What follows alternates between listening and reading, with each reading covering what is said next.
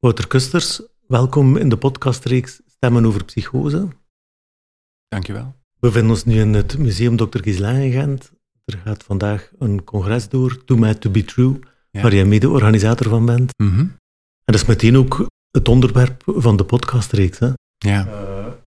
Ik spreek met gasten over, over waanzin, over, over psychose en over wat het doet met iemand. Mhm. Eh, zowel als crisiservaring, psychose, Ja. maar ook psychose als een eh, ervaring die misschien ook een nieuw licht kan werpen op een aantal aspecten die te maken hebben met leven. ja, En daarom heb ik jou uitgenodigd, hè, Wouter Kusters. dankjewel. Ehm jij bent filosoof, jij bent Ja. taalkundige Ja, ehm, en je hebt een aantal boeken geschreven over het onderwerp psychose. klopt. Zoals bijvoorbeeld Pure Waanzin, een zoektocht naar de psychotische ervaring. Ja, En ook Filosofie van de Waanzin, waar we straks een aantal stukken uit gaan voorlezen. En recent ook het boek Schokeffecten, Ja. die eh, over klimaat handelt. Hè? ja, daar gaat het niet over de waanzin, want de waanzin waar ik het meestal over heb, ook in die twee boeken, dat is vooral een waanzin op toch uiteindelijk beschreven op soort individueel niveau, Ja. hoewel het het niveau van de taal is en dus het niveau van iedereen. En in schokeffecten, daar gaat het toch meer over de waanzin van de wereld waarin we nu leven, waar Ja. erin ook een soort dubbelheid zit tussen Ja, wat we doen en wat, wat er eigenlijk gaande is. Het gaat Ja. over klimaatverandering. ja. Ehm, ik geef nog mee ook dat jij regelmatig cursussen en lezingen heeft over jouw werk. En Ja. dat jij ook projectmanager bent van de stichting Psychiatrie en Filosofie. Ja. De podcast zelf die nemen wij op in een samenwerkingsverband tussen Universiteit Gent, Mhm. waar ik ook werk. Eh, enerzijds en anderzijds dit museum hier, Museum Ja. Dr. Gislain, Ja, nou, die in mooi. België. Dat is een mooie context. Ja, en dan zeker. nog een Gens Universiteitsmuseum. Ja. Met die organisatie samen brengen we dat dus tot stand. Mhm. Dus we zijn eigenlijk een soort boekenprogramma. Eh, we gaan fragmenten lezen uit jouw werk. Ehm, ik heb jou gevraagd om twee stukjes te selecteren. Eén over de ervaring van psychose. Ja.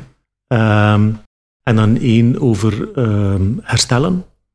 En ik heb Ja. er ook twee gekozen, dus ik ga nu Ja. Wouter jou uitnodigen om een eerste voor te lezen. Hè? ja. Val ik meteen met de deur in huis van Doe het fragment. Ja. Ik doof één voor één de lichten. Ik moet niet alles doven. Er moet licht blijven branden tijdens de nacht. Of moet ik me in het duister laten gaan en erop vertrouwen dat alles vanzelf doorgaat? Gelukkig blijft de kraan het ook in het donker gewoon doen. Er blijft dus nog iemand wakker bij de watercentrale, ook als alle lichten zijn gedoofd. Hoe krijg ik mijn lichaam door de nacht gesleept? Hoe krijg ik mijn geest door het duister heen? Welke kamer is nog onbedreigd? Aan alle kanten zijn ramen en daarbuiten strijden licht- en donker effecten. Ik moet alle gordijnen dicht doen en zo de storende invloeden van buiten afweren. Ik moet nu rustig aandoen, gaan liggen en rusten. Ik heb een zware taak op me genomen. Veel gewerkt vandaag, veel geschreven en ik moet nu rusten. In liggende houding hoef ik mijn lichaam niet meer overeind te houden. Het stroomt door me heen als water. Het is als eb en vloed, een golfbeweging. Ik moet me laten meeslepen door de terugtrekkende beweging van het water. Maar de stroom krijgt me niet te pakken. Ik raak maar niet ondergedompeld in de oceaan van slaap. Ik kom bloot te liggen met een gezicht van zand, onuitwisbaar. Het water laat me in de steek. Ik zal nooit meer in dezelfde rivier kunnen stappen. Alles stroomt weg van mij, in delta, de vierde letter. Dan nog maar een keer de kraan controleren of er nog water is. Op de tast kom ik in mijn badkamer, buiten is het donker, binnen ook. Met een druk op de knop gaat het felle licht aan. Alles ontstaat in een flits, haarscherp omlijnd, in zichzelf besloten en aan mij getoond. Dan wend ik me naar de spiegel. Kijk en ik schrik. Ik zie mezelf en ik zie niet mezelf. Kijk door de ogen van mijn vader en zie zijn vader en de voorvaderen, spiegel door spiegel door spiegel. Aan het eind van de reeks, door de ogen van de mensheid heen, zie ik nu één enkel menselijk exemplaar aan gene zijde. Hij staat paraat. Ken hem. Ik weet wat hem te doen staat. Hij is overbelicht. Ik kijk hem strak aan. Ik kan doen wat ik wil. Ik ben wie ik ben. Ben door de grens van de tijd gebroken en heb de ultieme vrijheid bereikt. Door mijn ogen, in zijn ogen, zie ik het. Ik in- intensiveer mijn blik, zet er druk op. Het oscilleert tussen mij en mij. Het licht is vreemd gefilterd grijs. Er hapert iets in de frequenties. Oh, natuurlijk. Er is altijd meer. Een vertrouwde omgeving, een zorgapparaat. Daardoor kan ik nooit alleen zijn in het licht. Er is altijd een externe lichtbron, de achterwacht van de elektriciteitscentrale, verborgen in de zogenaamde leiding. Hahaha. Ha, ha. En als ik die nou ook eens uitschakel, gewoon het lichtknopje uitdoe? Ik heb dit huis tenslotte gehuurd en mag het doen wat ik wil. Hadden ze de lijnen maar anders moeten trekken. Licht uit, licht aan, licht uit, licht aan, licht uit. En laat er geen licht zijn. 1, 2, 3, 4, stilte en duisternis. Ik grinnik, ik kan alles. Oké, dat is meteen een passage waar heel veel in zit, lijkt mij. Hè? Ja, eigenlijk wel, hè? Ja, dat, dat, er zit altijd heel veel in een psychose. Dus ik, ik beschrijf dit zo, ja, zogenaamd van binnenuit. Ik, mhm. probeer, ik heb bij, tijdens het schrijven geprobeerd de ervaringen die door me heen gingen, zou je kunnen zeggen, of de woorden die ik toen had, de concepten en de ideeën, terug te halen, door terug te gaan naar mijn herinnering en uh, een soort verhaal te maken van, mhm. van hoe dat ging. En ja, als, als ik zo dat verhaal stel, dan, dan, dan hoor je inderdaad dat er heel veel gebeurt op verschillende lagen, verschillende symbolieken. Terwijl van de buitenkant, als iemand mij daar zou hebben bezig gezien, als er camera's in mijn huis hadden gehangen of wat dan ook, als je iemand ziet die psychotisch is, dan, dan lijkt het alleen maar ja, chaotisch, onbegrijpelijk, bizar, verward en ziek. Ja. Dat, dat is binnen- en buitenkant. Of ja. nou, oh, die binnenkant, hè, of dat nou binnenkant is, maar dat is iets. Het, het is een ander geluid, zeg maar. Ja, ja, absoluut. Hè. Het lijkt me niet zo chaotisch en... Uh... Nee, ja, nee, nee, dat, zo'n fragment is zeker niet chaotisch. En ja. dat is, nou ja, ja, ja. Dat... Maar het gaat wel heel snel. Ja. Heel veel verschillende gedachten, heel veel verschillende lagen lijkt erin te zitten. Ja, ja, er zit, er zit, in psychose zit, nou ja, ik, kan niet voor iedereen spreken, maar uh, er zit, vaak zit er ervaringen van, van snelheid in, van snelheid van gedachten en mm een explosie van, uh, van associaties en een explosie van betekenissen. Um, ja, waar men in zwemt, probeert te navigeren en soms kopje ondergaat en soms niet. Dat, ja. dat is zo. Was dat bij jou hetgeen dat centraal stond?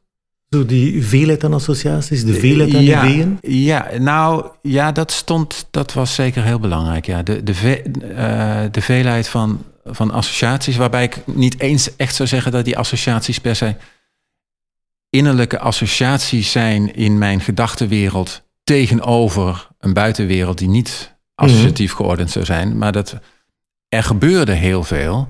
Uh, ik nam heel veel waar mhm. eh, wat er gebeurde. Dus die associaties waren tegelijkertijd associaties van een omgeving waarin je heel veel ziet veranderen. Dus, dus die associaties, dat, dat is een soort overgang tussen wat je waarneemt in de buitenwereld en wat je denkt in, in de binnenwereld. En daar gewoon zit je toch in een soort, eh, nou ja, toch wat, wat kalmer mhm. dan, dan in een psychose. Ja, maar dan lijkt het alsof dat je op dat moment net heel ontvankelijk was voor alles dat gebeurde rondom Zeker, jou. dus ik, noemde, ik, ik, zou, ik zou dat ook zeker... Dat, dat, dat in een psychose ben je, ben je open en ontvankelijk voor... Uh, ja, voor wat precies, dat is niet duidelijk. Ja, je, je zou kunnen zeggen voor de wereld. Dus veel, men, ja, veel mensen die psychotisch zijn geweest...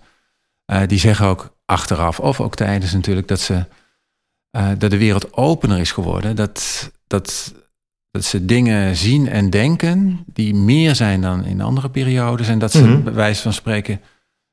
Ja, de manier waarop het wordt verwoord. Er zijn heel veel verschillende manieren, maar men praat ook vaak over openbaringen. Mhm, mhm. Eindelijk zien mensen hoe het echt is. Of ontvangen boodschappen uit die buitenwereld die ze eerst niet hadden gezien. Dus in die zin is het een, een, een soort meer. Ja. Ja. Ik probeer dat goed te begrijpen, hè, maar daar vraag ik mij af. Is dat toch wel zo'n moment dat er iets van een filter die ja, voordien nou, een enge focus geeft, breder wordt of wegvalt? Zeker, dus, dus het filter valt weg. En nou ja, dan, ik, ik, ik mag hier ook enige kritiek op andere psychopathologische theorieën. Tuurlijk, uh, dus, dus een bekend, bekende theorie is, is inderdaad van, uh, dat, dat, je, dat, dat de mens zo niet geboren is met filters, dan wel uh, moet worden opgevoed met uh, uh, filters. Dus een mens moet eigenlijk oogkleppen op en moet gedeeltelijk zijn oren verstoppen en zijn ogen moeten. Dat moet allemaal gefilterd worden, omdat hij anders niet zou kunnen leven. Dus dat, mm En in de psychiatrie heb je zo'n theorie van, ja, je wordt overspoeld door allemaal indrukken. en jouw filters zijn kapot. Je filters moeten weer hersteld worden, zodat er, zodat er minder is. Mhm. Ehm, en ik vind dat een heel cynische theorie. Dat je Mhm. eigenlijk eh, eh, moet worden afgedempt en in een soort keurslijf van, van de mogelijkheden, alleen maar de functionele mogelijkheden moeten worden gedwongen, waarbij je de, de alleen maar relevante prikkels waarneemt. En dat, dat, dat dan wordt besloten wat is relevant en wat is irrelevant volgens, de, eh, volgens het normale patroon. Ja, ja. Ja. Ja. Terwijl juist daarbuiten ligt de vrijheid. Dus dat. Dus een psychose is ook een, een zoektocht naar vrijheid. En een zoektocht naar. naar oneindigheid. Hm. Daar gaan we straks nog bij terugkomen. Hè? Is goed? Die vraag naar die oneindigheid. Ja. Ehm, maar je beschrijft hier ook zo letterlijk in die passage ehm, de ervaring van licht, de ervaring van tijd, de ervaring Ja. van duister, de ervaring van het Ja. geluid met dat water. Ja, Dus het, is, het zijn niet enkel gedachten, maar het is ook echt zo die ja, ja, ja waarneming. Het zijn, die, ja, en het is, het is in die psychose loopt, loopt dat door elkaar heen. Dat je, dat je wat uiteindelijk telt. Kijk, er- je kan zeggen, eh, mensen ervaren dingen. En of ze dat ervaren als iets zintuigelijks of als iets cognitiefs. Kijk, gewoonlijk onderscheiden we dat heel sterk. Hè? Mhm. En ook, ook in onze, onze modellen van wat, de, van wat de psyche is, ja, wordt gezegd van nou, iemand he- of heeft een gedachte of het is een waarneming. ja, dat is psychologentaal. Dat is psychologentaal. Ja. En in, in, de, in, die, eh, in een psychose loopt dat juist door elkaar heen. Die grens daartussen, die wordt, die wordt, veel, die, die wordt poreus, die Mhm. verdwijnt. En die wordt op een nieuwe manier gelegd uiteindelijk. Ja, Dat, dat is een van de dingen die gebeuren. ja. ja. Goed, Wouter, ik ga er meteen een tweede fragment bij halen. Dus ik ga opnieuw even in filosofie van de waanzin duiken. En ik ga een fragment lezen die je de titel gegeven hebt, In sterren geschreven. Op een avond liep ik de stad in om mijn nieuwe inzicht te verkondigen onder de mensen. De straat was niet meer de gewone vertrouwde straat van vroeger. Alles stond in een ander licht. Ik zag niet meer enkel de buitenkant van dingen en mensen, maar zag ook onmiddellijk waar ze toe dienden, wat hun innerlijke bestemming was. Ik zag de bedoelingen van mensen en de manier waarop ze zich voortbewogen, hun mimiek, hun gebaren en de kleur van hun kleding. Ik had zelf een zwarte broek en rode jas aan en het viel me op dat er opvallend veel mensen net zo gekleed waren. Alsof bij stilzwijgende afspraak deze avond om deze kledij vroeg. Hieraan zag je al dat er blijkbaar meer mensen met dit nieuwe inzicht bezig waren. Onopvallend gaven wij, de elkaar tekenen van verstandhouding. Inwendig grinnikend, uitwendig mompelend, liep ik verder richting de stad. Het was september, fris weer, donderdagavond, uitgangsavond, en er was al aardig wat volk op de been gekomen. Ik moest door het grote winkelcentrum heen om in de binnenstad te geraken waar de denkers zich hadden verzameld om de toestand vanuit het nieuwe inzicht te bespreken. Het was er erg druk. Mensen kwamen uit het station en uit het musicaltheater.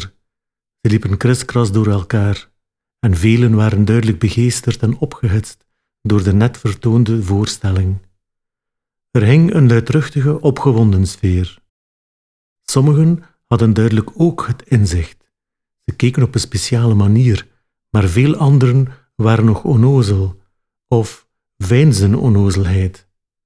Ik hield er rekening mee dat de sfeer door mijn aanwezigheid zou kunnen omslaan en het plan zou kunnen uitkristalliseren tot geweld. Ik moest daarom niet te veel opvallen en kon maar beter het omsloten winkelcentrum verlaten.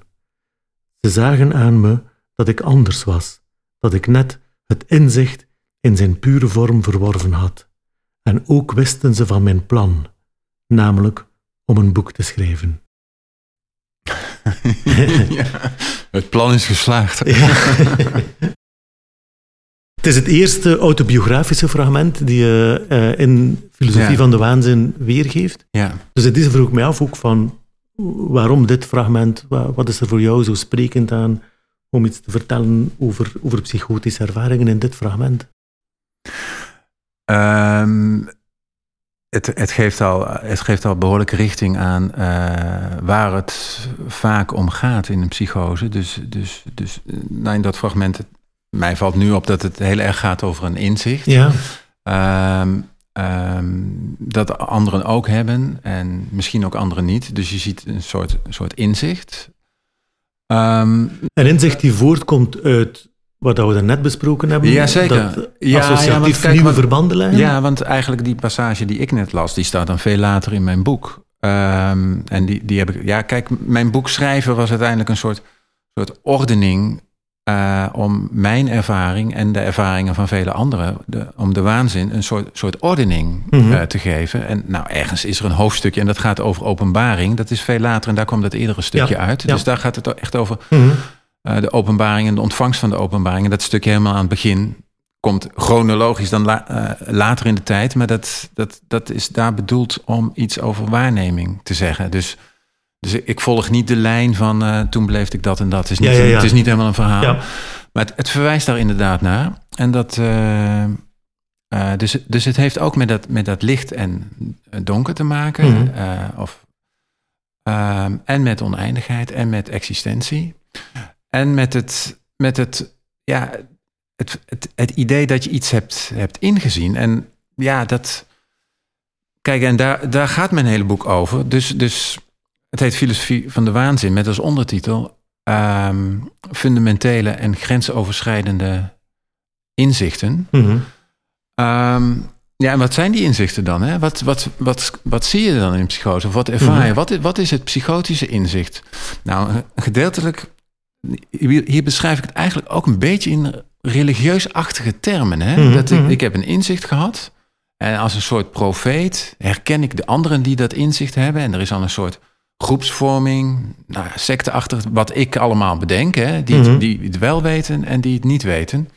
En dat inzicht, ja, ik zou dat noemen ehm, de ontdekking van het idee van oneindigheid. Ja. Dat, zo, ja, ik vind dat best wel een, een, een goede, om Ja. het zo te noemen. Ja.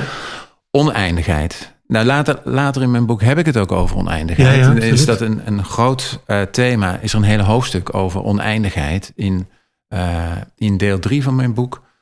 Laat ik zien dat eh, psychoses vaak, was niet altijd, maar dat je ze zo kunt zien dat ze gaan over existentiële thema's en dat je die existentiële thema's ook zo kunt ordenen, eh, zuiver getalsmatig.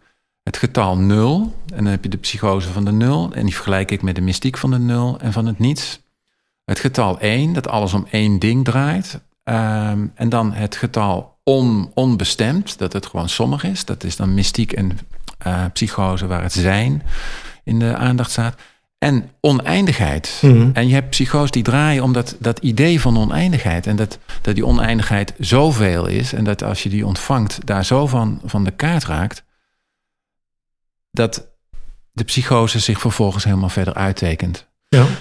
Oneindigheid, daar hebben we allemaal mee te maken. Of daar kunnen we allemaal ideeën over hebben. En wanneer is dat nou psychotisch, hè? Als je zo Mhm. blijft doorgaan over die oneindigheid. En dan, nou, kijk, als ik dan later die oneindigheid probeer uit te werken in mijn boek, dan, dan, dan onderzoek ik verder hoe dat zit in de filosofie. En wat dat allemaal is. En dan kijk, kijk ik bijvoorbeeld naar de, de wiskundige Cantor in de, in de 19e eeuw. Mhm. En nou, je hebt een geschiedenis van de wiskunde, bepaalde grootheden bedacht. En op zekere momenten die Cantor, ja, een van de belangrijke wiskundigen in de 19e eeuw, die maakte een bepaald soort berekeningen. En die, die ontdekte, die zag in dat, die kreeg het inzicht dat, puur mathematisch, dat er zoiets bestaat als niet gewone natuurlijke getallen, maar transfiniete getallen. En dat, zijn, dat is oneindigheid. En met die oneindigheid kan je ook vervolgens wiskundige operaties eh, definiëren.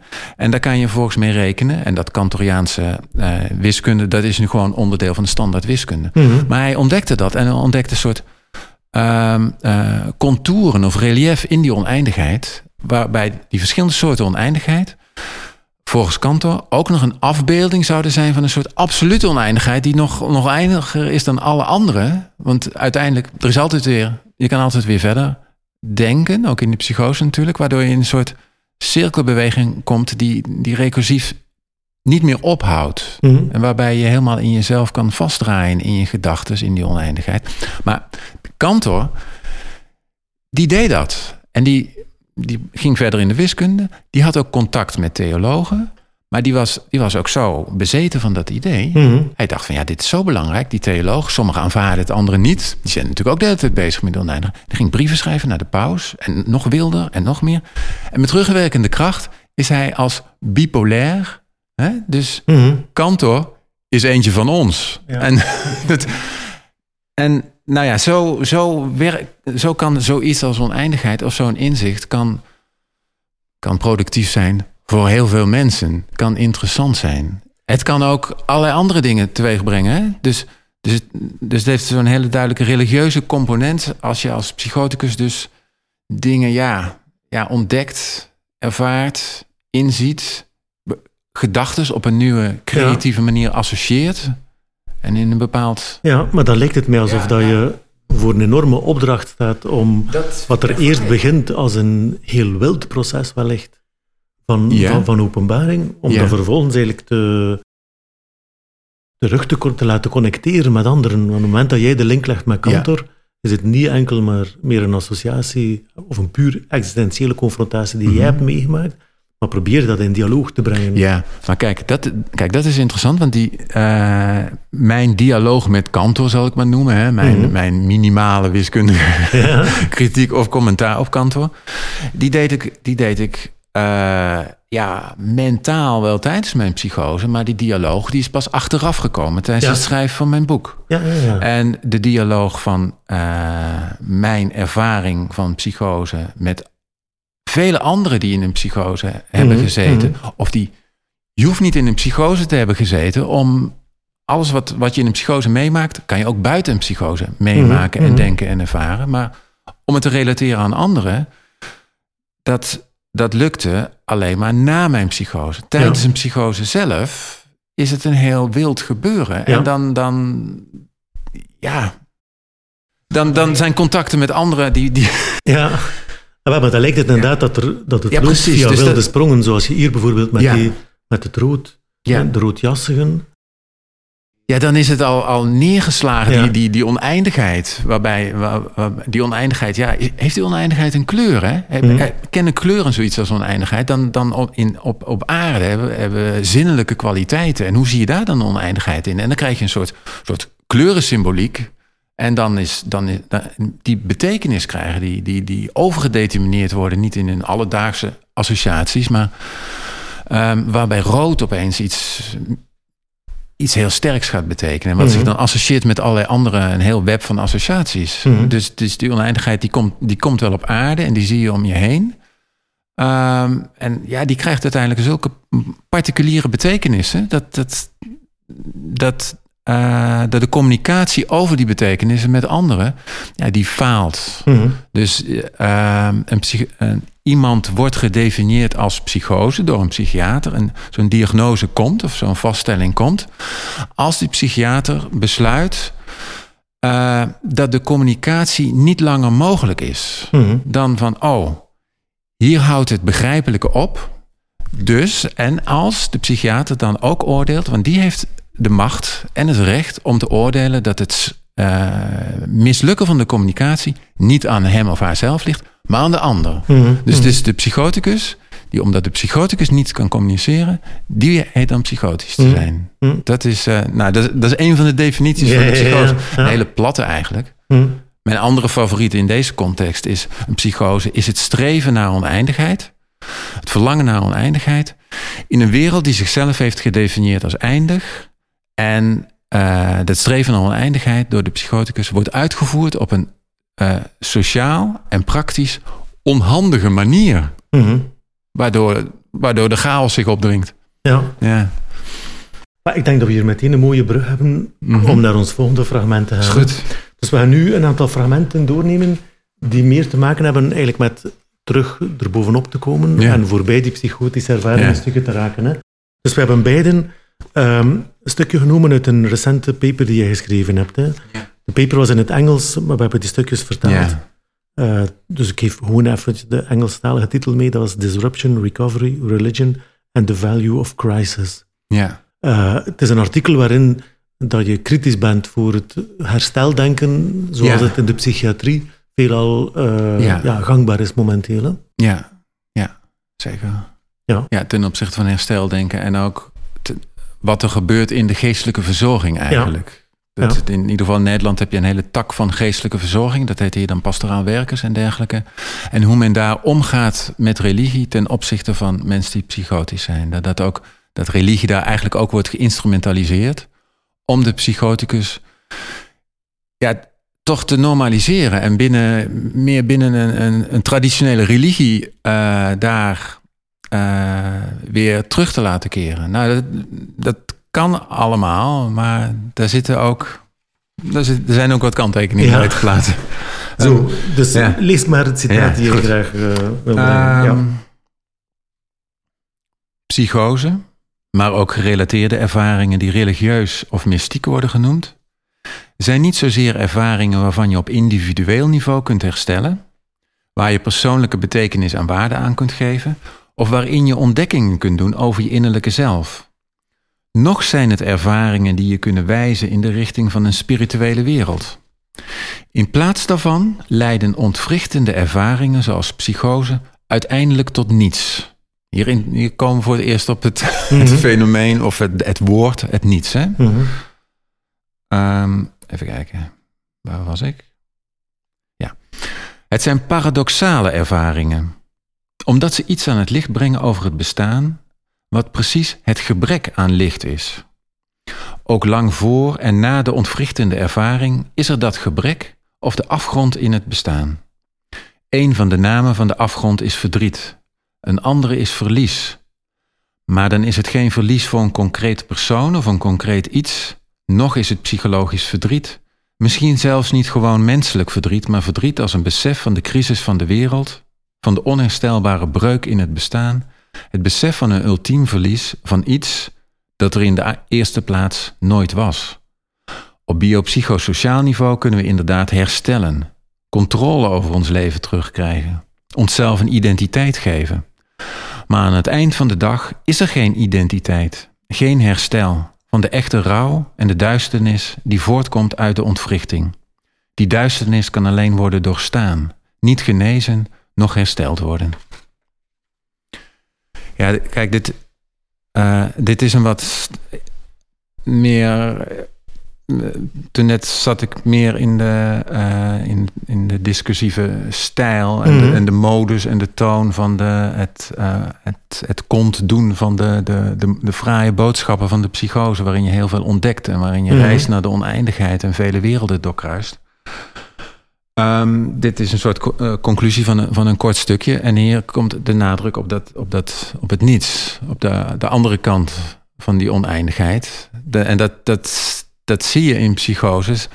Niet alles, niet alles is er. Mhm. De oneindigheid is er tegelijkertijd ook, ook niet. En ja, er is, er, is een, er is een duistere kant en een. Ehm, waardoor denk ik dat, kijk, die, die oneindigheidspsychoses, je kan psychoses op allerlei manieren indelen en ehm, dat, dat gegrepen worden door een groot idee, een, een magnifiek. eh, dat, dat oneindigheid, dat, dat zit ietsjes meer bij de psychose in het kader van een bipolaire stoornis, noemen ze het dan. Ehm, en in, een psychose heeft een bepaalde dynamiek. En je kan, die, die je kan concepten zoals eh, ja, filosofische concepten van, van één zijn, oneindigheid en niets. Daar zit een bepaalde. eh, eh, daar zit een verhouding tussen. Mhm. Misschien een dialectiek. Die, die, die concepten kunnen met elkaar, die, die kan je op intellectueel niveau met elkaar laten eh, botsen. Dus je kan kijken van, hé, hey, hoe zit dat nou? Je hebt oneindigheid en eindigheid. En wat is mijn volgende denkstap? En dan kan je daar iets, iets uithalen en verdere denkstappen maken. Mhm. Beha- behalve op cognitief conceptueel niveau in de filosofie zelf, spelen die concepten. ehm, eigenlijk zijn het nog meer dan concepten. Het zijn eigenlijk voorwaarden voordat er andere concepten bestaan. Spelen ze een rol in, in, in de existentie van de psychose zelf. Dus gewoon in ons, in ons dagelijkse leven Mhm. zijn we er de hele tijd wel. We, we- we zijn hier. En tegelijkertijd zijn we er ook niet. Is er, is er een soort niets dat er, dat er niet is, maar dat, dat sowieso als je, als, je, als, je, als, je, als je aanneemt dat leven zich voltrekt in de tijd. Dan is er een soort ontvouwing van de tijd. Mhm. Maar de menselijke tijd is eindig. Mhm. En de, de tijd zelf is oneindig. En daar, daar, zit, een, daar zit een clash tussen. Mhm. En nou ja, daar, daar duid ik allemaal op, ja, op dat ja. stukje. Ja. Dat, dat ja, het gevaar van een psychose ehm, voor een psychoticus zelf. Nou, je hebt, er zijn allerlei gevaren op dat als je, als je een psychose zo vergelijkt met, met, het, met een mystiek pad. Dat doe Mhm. ik in mijn, in mijn boek eh, Mhm, mhm. veel. Dus ik heb deel 2, de via, via Mystica Psychotica. Als je die vergelijking maakt, zijn er heel veel overeenkomsten. En net zoals op het mystieke pad zijn ook de gevaren van dat, behalve de engelen die je, die je laten zien wat er allemaal is, zijn er de demonen van het niets. Zijn er de angsten, de angsten van de nacht? Is er het, is er het duister en de afgrond en de leegte? En ja, hoe maak je onderscheid tussen de engelen en de demonen? Wat voor, wat voor rol hebben die? En als je in die psychose alsmaar verder gaat, kan je, kan je daar zo ver de weg kwijtraken en verdwalen. Zolang dat een individuele weg is waarbij de taal en de ervaringen die je gebruikt verder niet meer worden ehm, gekoppeld of een stabiliteit gegeven met behulp van een, van een ander. Mhm. Een ander die dat op een of andere manier kan opvangen. Een soort grote container dat- die het kan containen. Of een, of een, of een, of een, symbolisch anker in dat niets en zo. Mhm. Dat, dat je dan zo op drift kan raken. En dat je dan in, in psychose kan komen die, die zo ingewikkeld zijn. Dat, dat, ja, dat het gewoon ontzettend lastig is om daar nog uit te komen. Ja. Ik, ben, ik, ben, ik ben blij dat ik dat...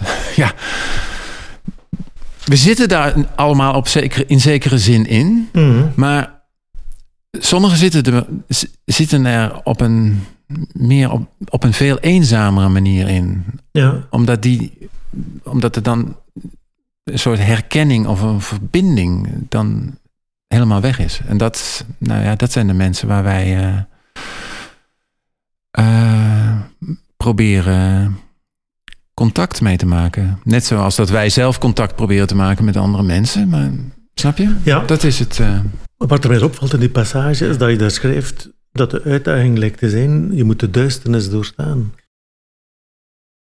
Ja, ja. Maar, en dat geldt voor de psychose en dat geldt ook voor het normale leven. Dat lijkt mij ook. Hè? Ja. Ja. Ja. ja. Ja. Ja. En, die, en dat is. eh, en daar, dat is. eh, ja, zo, zo, zo is dat. Ja. Die, die, moet je, die moet je. Want dat komt er bijna op neer dat wat dat eerst verschijnt in een psychotische ervaring, effectief toch een weerspiegeling is van een fundamentele menselijke confrontatie, Ja. die voor iedereen bijzonder pijnlijk is. Ja. Ehm, Ja. dat dat toch de kern lijkt te zijn van wat dat jij aanstipt. Ja. En zit daar ook voor jou een component van, van ontnuchtering bij? Want ik kan me voorstellen dat een stuk van de, van de van misschien wilde belevingswereld Ja. uit een psychose, Mhm. in die zin ook een stuk kan in elkaar storten Ja. op het punt dat je die duisternis ontmoet en, en ja, je daarbij Eh, neerlegt. Ja, maar die, kijk, ik heb verschillende fases van ontnuchtering ken ik in mijn eh, leven. dat inderdaad, als ik kijk zo naar, naar, die, naar die psychose, dan de, de eerste ontnuchtering, die kwam eh, door het, eh, het bombardement van antipsychotica. Een ontnuchtering waarbij op hele brute wijze al die betekenissen en al die oneindige eh, eh, gedachten en associaties worden stopgezet op een, eh, op een destructieve manier. En waardoor je dan eh, belandt in, in een geestelijke doodsheid. eh, die ook is van die afgrond en die duisternis. Ehm, ja, die, die is van die, van die afgrond en die duisternis. Maar dat was dus een onnuchtering die eigenlijk psychiatrisch was opgelegd. Mhm. En die, die werd voorgesteld als van... je bent aan het genezen, want wij hebben jij in die, in die, in dat, in dat, in die zwartheid geduwd. Mhm. Nou, die ben ik eh, te boven gekomen. Ehm, en, maar, maar wat ik in die psychose ervoer, dat was, dat, dat was een veel, ja, nog een andere soort eh, zwaarte en melancholie. Die, waarbij naast die melancholie dus ook dat, dat verlangen naar oneindigheid is. En, daar, en daartussen, eh, daar, zit, daar zit ik gewoon nog steeds. Net Mhm. zoals als iedereen, neem ik aan. Alleen ja, misschien verwoord ik het op een, op een andere manier dan anderen. Met Ja. behulp van termen uit die psychose. Mhm. En ehm, nou, ik heb, ik heb wel een poos na mijn psychose. ehm, kijk, ik, er zijn heel veel mensen die, die in zo'n psychotische wending. Dat, ja, nou ja, dit is duidelijk. Het is, het is, het is wel een fundamentele existentiële eh, crisis. Mhm. En dus je, je komt ook in een soort duister, waarbij, waarbij dus ook die oneindigheid er ook in zit. Dus die twee dingen. Heel veel mensen die, ik zei het al eerder, die, die, die gebruiken dan religieuze termen, omdat die vaak toch naar dergelijke dingen duiden. En die, kom, die komen in een soort bekering. Mhm. En dus dat het uiteindelijke zwart, het uiteindelijke niets, dat dat de naam van God zou zijn. Ja. Zou kunnen, hè? weten we niet. Nou ja, het is maar wat voor namen we geven aan de dingen. Of juist die tegenpal, dat licht, dat Ja. dat de naam van God zou zijn. Of allebei, dat, Mhm, dat mhm. kan ook allemaal. Maar in ieder geval, die, die maken een soort, soort religieuze omwenteling. En die, die zeggen na hun psychose dat ze, ja, dat ze gelovig zijn geworden door hun ervaring, door wat ze meemaakten en zo. Dat heb ik ook een beetje gehad. Maar dat ik na mijn psychose lange tijd heel sterk begreep waar mensen die zeggen dat ze religieus zijn en ook theologen en zo, dat ik meer begreep waar ze het over hadden dan voor mijn psychose. Daarvoor was dat voor mij toch een beetje van ja, dat is allemaal, eh, dat is allemaal onzin en die kerk en religie, daar moeten we van af. Wij zijn filosofen, we gaan ons niet met dat soort verhaaltjes bezighouden. Zo. Na mijn psychose heb ik daar meer begrip voor gekregen. Heb ik nog een poosje gedacht van ach, zal ik bij een kerk gaan? Want dat is toch de plek waar je dat soort dingen Mhm. zou kunnen. En ja, nou ja, dat, ja, zo zit ik eigenlijk nog steeds. Dat ik, hè, God of niet God, maar dat is, dat is allemaal een kwestie van naamgeving. En, en de ontnuchtering voor mij nu is eigenlijk van ja. Nou ja, ik, nou, misschien ben ik niet ontnuchterd wat Ja. dat betreft. Het is meer dat ik daar nog, ja. Ja, ik, ik heb de volgende passage ja. Mhm. die ik gekozen heb, sluit daar heel sterk bij aan. Ik ga ze kort even lezen. Hè. Kort gezegd besteden zowel het biopsychosociale model als het herstelgericht denken geen aandacht aan de crisis zelf.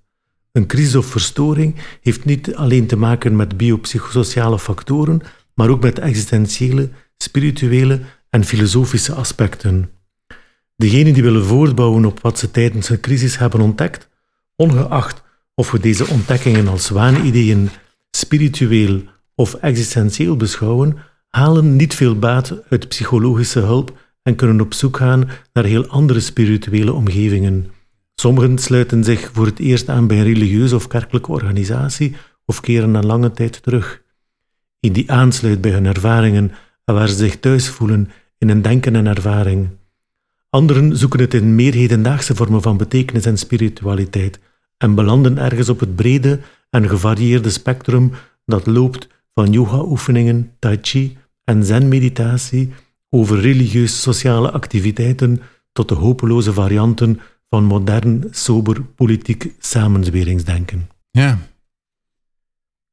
Dat is een beetje dat spanningsveld. Hè? Waar kan je een, een plek Ja. vinden, lijkt mij, eh, waar dat je thuis mag komen met die ervaringen, waar dat die niet Gepathologiseerd worden, maar Precies. bestaan. Ja, want ik zei, ik zei het eigenlijk al in dat, in dat eerste fragment. Hè? Daar heb ik het over van eh, buiten mijn eigen huis. Dus letterlijk thuis. Mhm, hè? mhm. Buiten mijn eigen huis. Er zijn die licht- en donker effecten. Laat ik de gordijnen dicht doen. Zodat het Mhm. thuis nog veilig is. Ja. Ja. bij die echte crisis. Dan komt dat duister en dat licht van buiten. Dringt je eigen huis binnen. Dus Mhm. welk, welk thuis is nog, geeft nog iets van... Hè? Waar kan je thuiskomen? Mhm. Dus nou, zo, zo kan je in psychose ook zien dat je, eh, dat je ontheemd bent. En dat je terug, eh, dat, je, dat je iets zoekt van, van, van opnieuw nieuwe bewoning eigenlijk. Op, opnieuw in het eh, House des Signs, zoals Heidegger dat, dat noemt. Ehm, ja, en hier geef ik een aantal mogelijkheden die er zijn. En Mhm. dat, ja, en dat, dat, dat kunnen heel veel mogelijkheden zijn. En, dat is, dat, en dan, dan gaat het inderdaad over, over, ja, over andere dingen dan eh, of je weer eh, eh, psychologisch de normaliteit eh, kan worden eh, ingeslingerd. Waarbij het eh, iets is van de psyche zogenaamd. Dit, dit zijn dingen die zijn niet van de psyche. Hè? Mhm. Dit, dit zijn dingen van, van het bestaan. Mhm. En het, het, het, het gemeenschappelijke bestaan van, van mensen op deze wereld. Van, eh, ja.